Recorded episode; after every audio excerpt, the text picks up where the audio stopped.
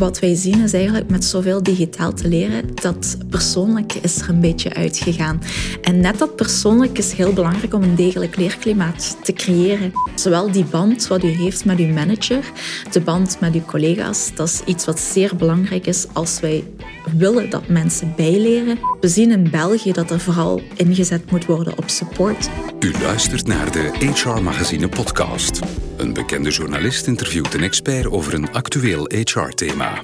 Deze gast inspireert u over wat beweegt in het HR-landschap en geeft een blik op de toekomst. Uw gastvrouw is Liesbeth Imbo. Welkom bij alweer een nieuwe HR-podcast. Corona of niet, we blijven op veilige afstand toch graag in uw oor kruipen. En vandaag is dat samen met Anja Emons, Research Manager van Cross Knowledge. Dag Anja. Ja, Cross Knowledge, to get knowledge across. In deze tijden kennis overbrengen, dat is uh, digitaal vooral. Maar jullie waren daar al, al langer mee bezig. Is het dan nu wel natuurlijk booming business? Ja, absoluut. Ten eerste heel fijn dat ik hier mag zijn. Ik ben heel benieuwd. um, ja, wij waren daar inderdaad al langer mee bezig. Wij werkten zelf natuurlijk ook meer en meer uh, offline, online, meer en meer van thuis uit.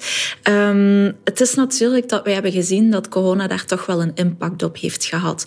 Ondanks dat er al een heel aantal bedrijven daar al mee bezig waren en zich eigenlijk steunden op het principe thuiswerken gaat even goed als op kantoor of elders, um, zien wij toch dat de corona daar een soort invloed op heeft gehad. We hebben vooral gemerkt dat tijdens die eerste lockdown bedrijven verplicht werden om eigenlijk thuis te beginnen werken en daardoor dat afstandsonderwijs, dat afstandsleren meer en meer naar voren is gekomen.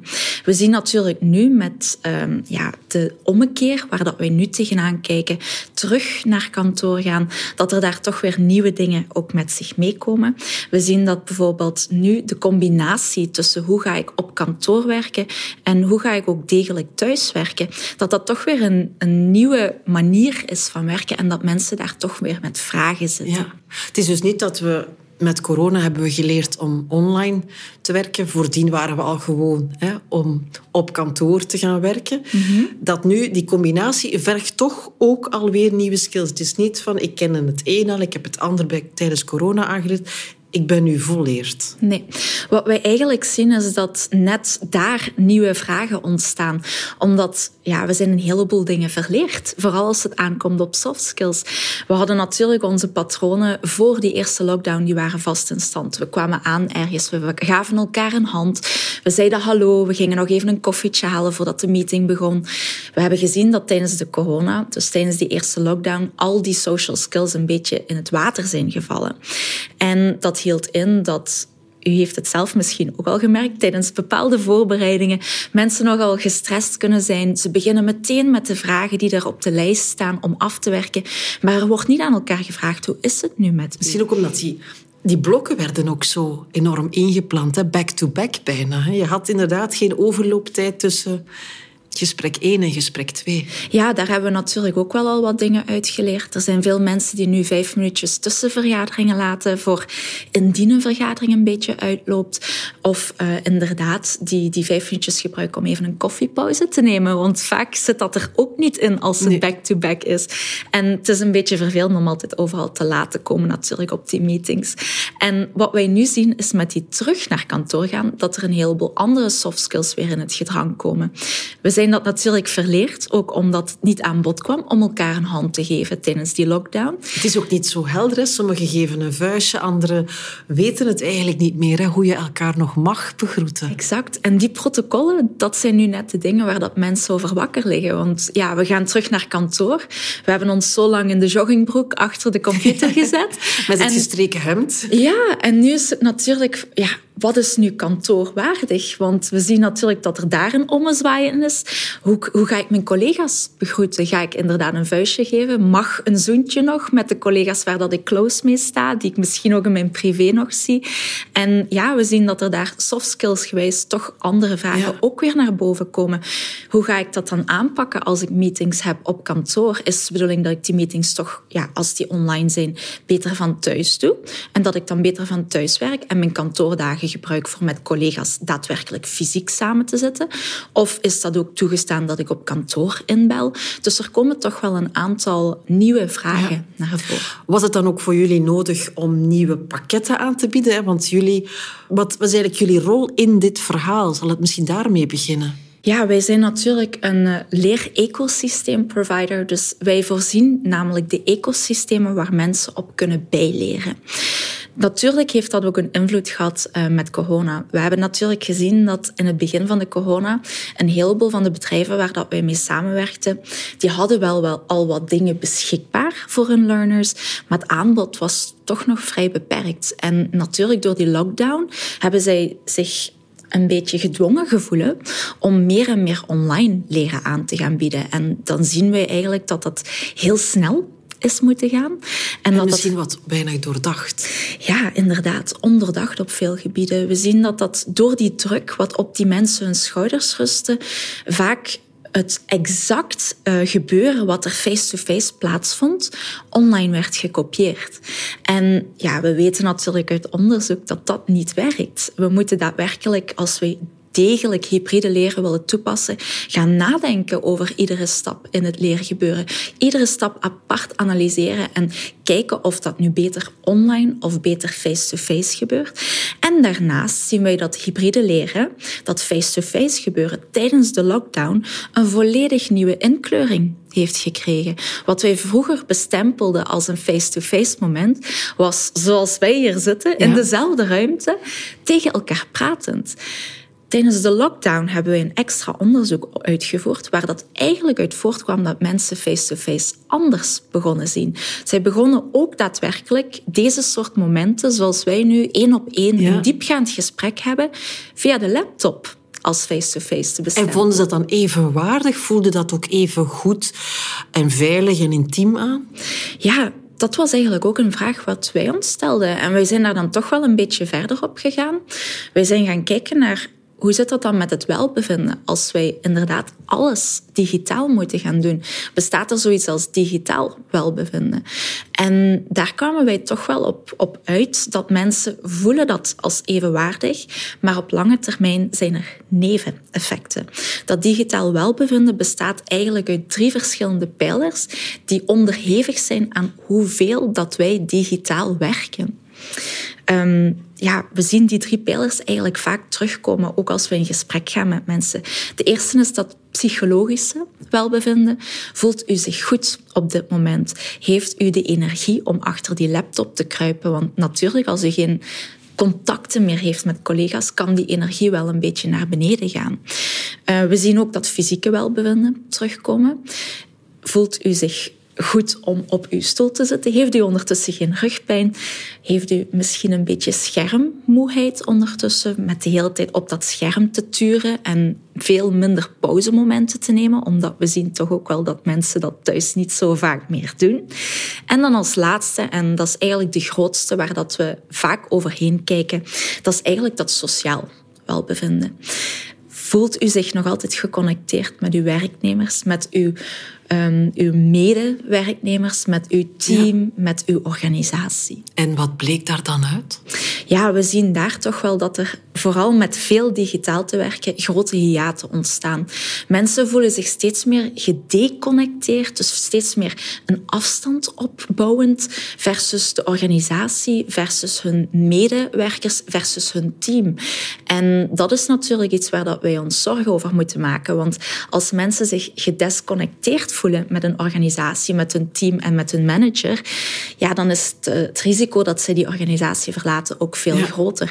Dus dat houdt in dat we moeten gaan inzetten op hoe gaan wij mensen nu terug eigenlijk zich samen laten voelen. En dan is het misschien wel goed dat we inderdaad nu toch in, in een tijdperk terugkomen waarin het hybride weer mogelijk zal moeten zijn. Het is nu nog altijd wel meer thuiswerk dan op kantoor, maar de kans is toch groot dat we in het voorjaar terug die balans wat meer zullen kunnen gaan vinden. Ja, en um, ik denk dat die balans ook nodig is. Want we zien met een heleboel werknemers dat zij eigenlijk de thuissituatie, ja, dat netwerk, dat sociale welbevinden, dat netwerk, dat staat toch wel onder druk. We zien dat dat thuisnetwerk op dit moment vaak de klappen moet opvangen van het werk gebeuren.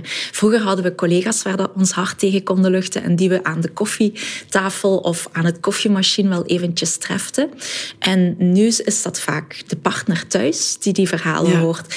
En, en die er misschien niet altijd een boodschap aan heeft. Absoluut. En ja, u merkt misschien zelf ook dat er vaak van dat puppygedrag, durf ik het wel eens te noemen, plaatsvindt, waar dat één partner misschien nog buitenshuis werkte en de andere van thuis. Ik, ik zeg het ook omdat ik zelf in die situatie zit. Ik werk natuurlijk fulltime van thuis en ik sta dan als een puppy op mijn man te wachten voor uh, te vertellen van, ah ja, ik heb dit en dit meegemaakt. Ik heb ook wel een volgende dag uh, Exact, exact. Wat is de impact daarvan nu inderdaad op leren en het leerklimaat? Ja, wat wij vooral zien is dat het leren vandaag de dag zeer sterk veranderd is. En die veranderingen hebben natuurlijk ook impact op het leerklimaat. Wanneer ik het heb over leren is veranderd, dan hebben we het over het leren van skills wat toch wel veranderd is. We hebben het er al een beetje over gehad, maar we zien toch wel grote trends terugkomen daarin. Bijvoorbeeld, we zien dat dat van zeer generieke content vooral naar gepersonaliseerd leren gaat. Dus die personen die worden veel meer aangesproken. We gaan veel meer inzetten op wat interesseert de learner zelf. Um, daarnaast zien we dat we toch meer van een contentaanbod wat de onmiddellijke vraag moest oplossen, naar een contextaanbod zijn gegaan. We zien dat het veel meer leren in een groter kader wordt geplaatst, een ecosysteem.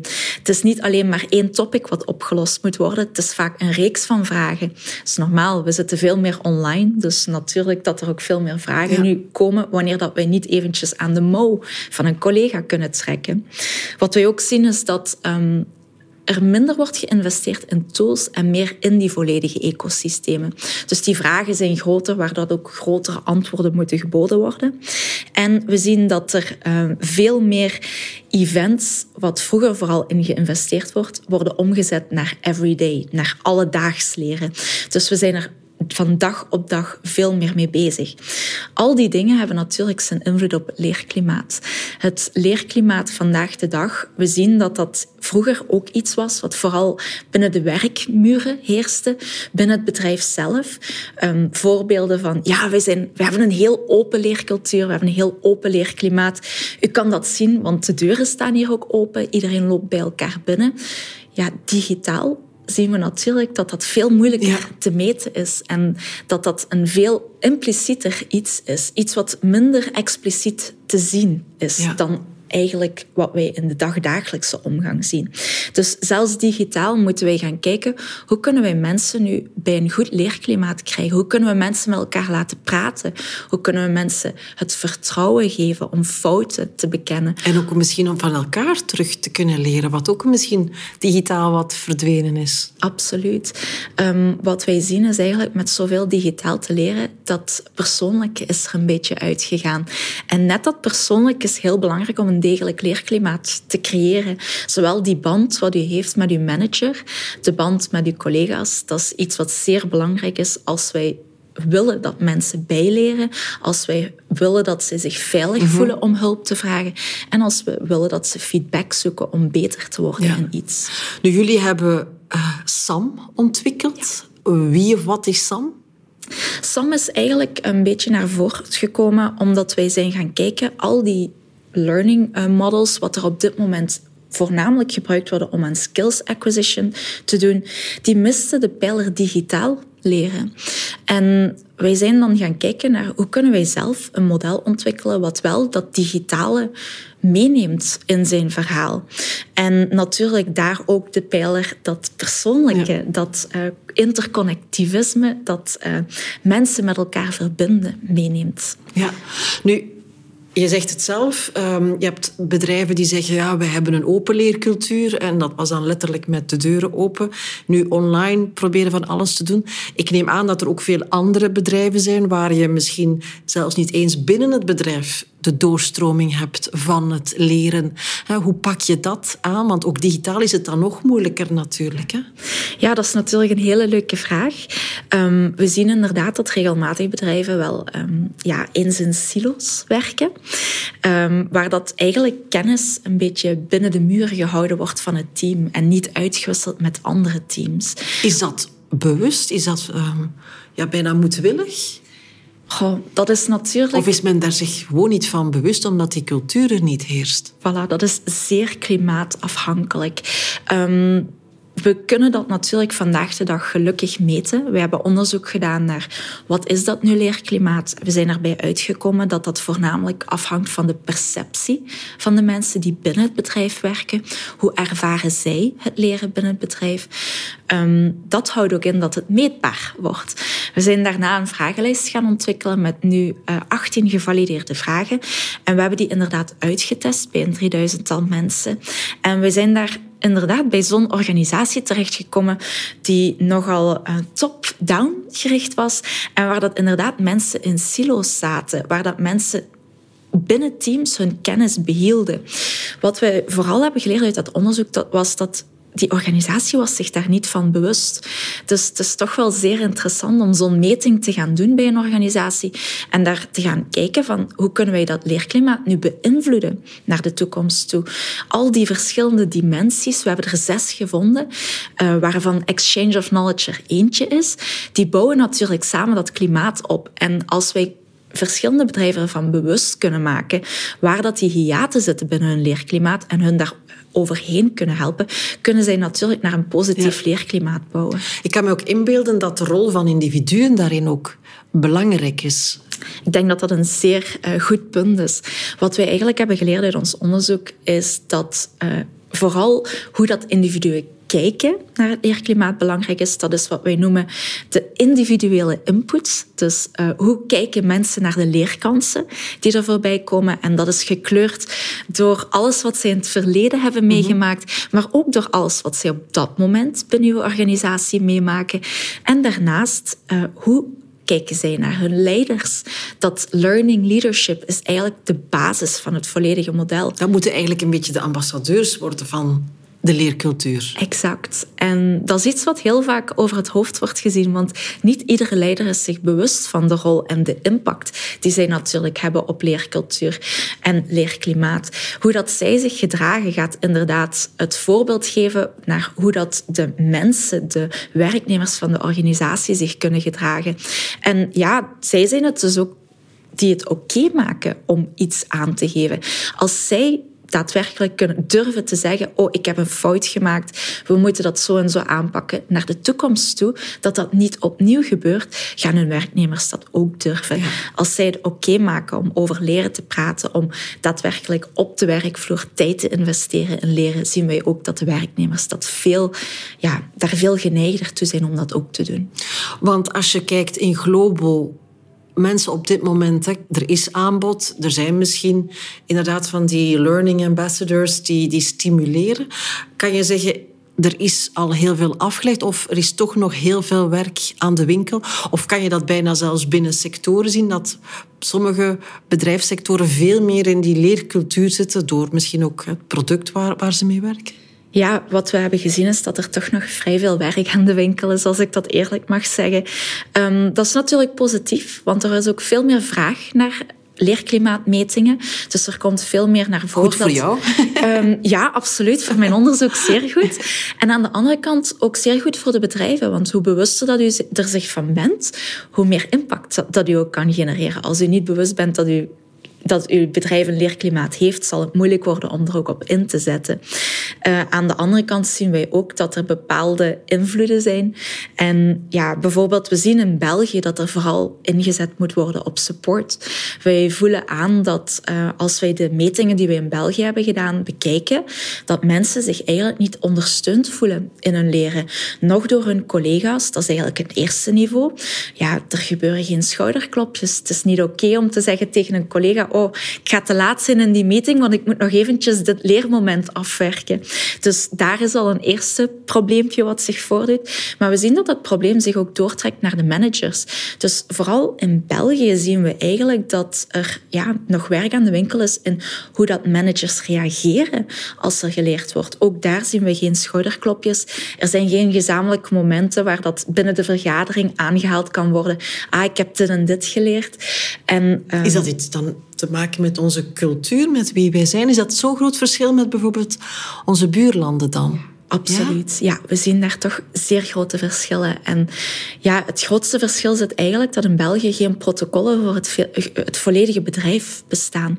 We zien eigenlijk dat in België, als u een leercursus succesvol heeft afgerond, u krijgt geen bedankje van het bedrijf, u krijgt geen bloemetje, u krijgt geen tegoedbon, er hangt geen beloning aan vast, er is geen um, wall of appreciation waar dat u de namen kan terugvinden van mensen die... Het lijkt geweldig makkelijk uh, toepasbare ideeën als ik ze inderdaad jou hoor vertellen, maar ik ken ze ook niet uh, van op het terrein. Ja, het is heel grappig, want we zien eigenlijk voornamelijk dat in Nederland dat support wel zeer sterk aanwezig is. Nu, we zien daar natuurlijk weer andere hiaten binnen het eh, leerklimaatmodel naar voren komen. Interessant genoeg zien we daar dat uh, exchange of knowledge, ja, ik zeg altijd Nederlanders die houden van babbelen en meestal mijn collega's beamen dat ook uit Nederland, maar het is net de dingen waar dat over gebabbeld moet worden, die niet zo vaak gebeuren. Dus daar zien we toch veel meer kennis is macht nog naar voren komen, terwijl dat in België eigenlijk in het algemeen wel vrij goed zit. Mensen wisselen sneller informatie uit dan in Nederland. Ja, boeiend allemaal. En we gaan inderdaad misschien die leerculturen, en het is er al vaak ook in die podcast over gegaan, nog meer moeten aanwakkeren. Zeker nu we die tijden toch steeds sneller veranderend zijn en God weet wat er allemaal nog op ons afkomt. Mag jou hartelijk danken, uh, Anja Emons, om ons dat te vertellen. Research manager bij Cross Knowledge, maar ook, en je zei het ook al, bezig met een PhD. Ook heel veel succes daarmee. En uh, wat u betreft, eh, lieve luisteraar, graag tot een volgende podcast.